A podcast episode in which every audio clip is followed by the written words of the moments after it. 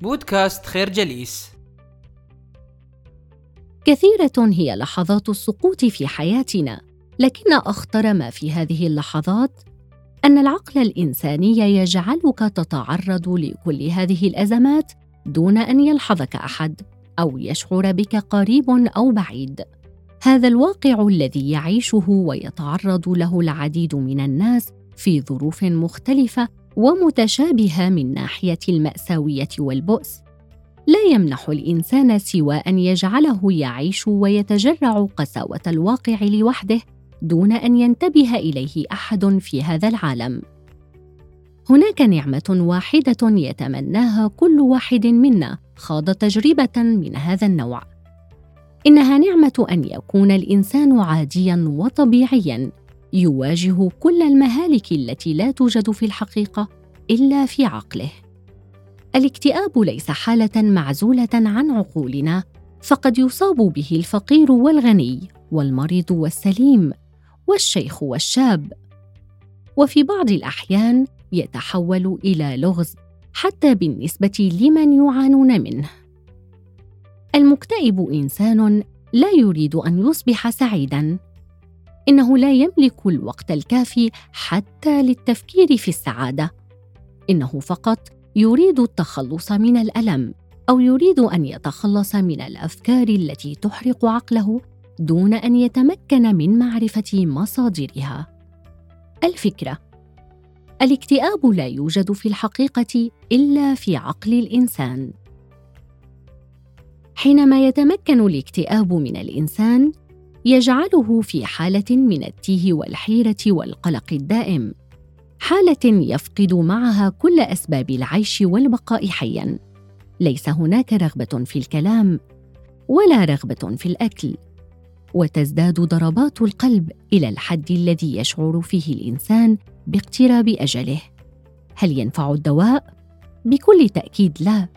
ما دامت الأفكار تعيد إنتاج نفسها داخل عقولنا بشكل متسارع وما دامت أسباب الكآبة تجد لها حاضنة أساسية في أنماط تفكيرنا.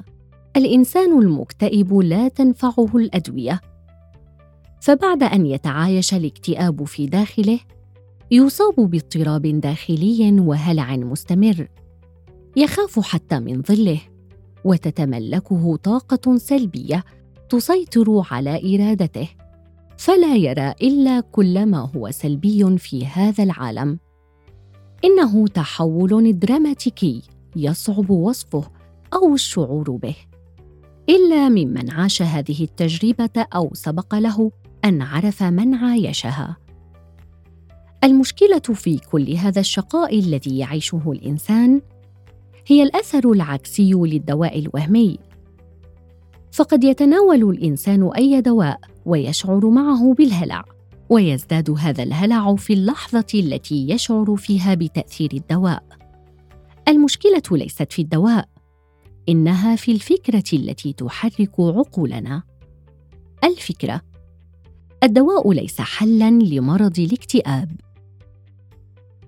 الحياة لغز محير. فالإنسان في هذا الكون الفسيح لا يرى في نفسه إلا جانبها الظاهري أو ما يقع تحت إدراك حواسه مباشرة. نحن نتكون من مليارات من الخلايا وعقلنا لوحده يضم ما لا يعد ولا يحصى منها. ولا نكاد ننتبه أننا كون لا متناهي. هذه مشكلة شعورنا الذي يقودنا لعدم الإحساس بالطبيعة اللانهائية لذواتنا المادية. ونكتفي باختزال أنفسنا في أشياء بسيطة كالرأس واليد والقدم. هذا التبسيط والاختزالية أيضا تعاني منه عقولنا. فنحن لا نرى بأن الاكتئاب هو نوع من فيزياء الكم للأفكار والمشاعر. نحن في الحقيقة مشابهون إلى حد بعيد للكون من ناحية الاتساع والتعقيد. هناك مساحات كبيرة داخل تركيبتنا تحتاج إلى الاكتشاف والفهم والتعمق.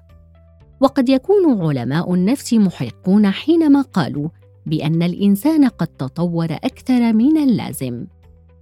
ونحن نعاني ما يسمى الاكتئاب وجب الانتباه إلى أنه مانع أساسي من الحياة.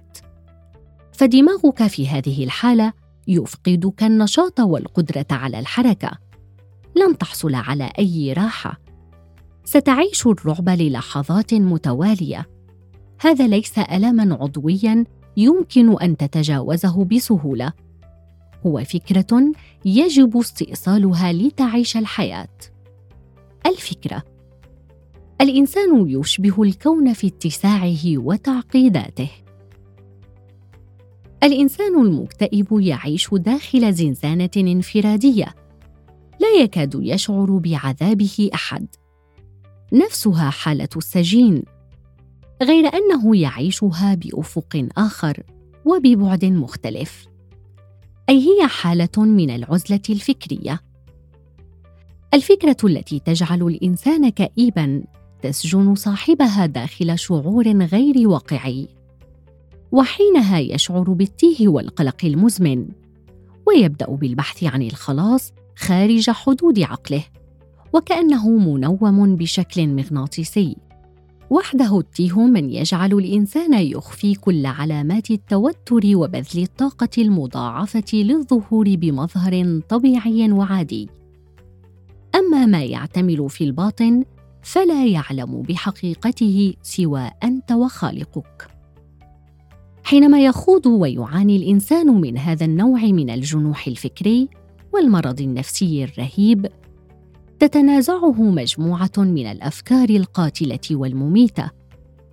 وقد يفكر في بعض الأحيان في الانتحار على أمل أن يعثر هنا وهناك على ما يخلصه من جحيمه. لكن هل هذا هو الحل؟ بكل تأكيد لا. الاكتئاب ليس عارا. إنه تجربة إنسانية لا ذنب فيها لأحد. يكفي فقط أن تشخص المرض بشكل دقيق فتجد الحل بشكل أدق. الفكرة الاكتئاب ليس عارا. إنه تجربة إنسانية. نشكركم على حسن استماعكم. تابعونا على مواقع التواصل الاجتماعي لخير جليس.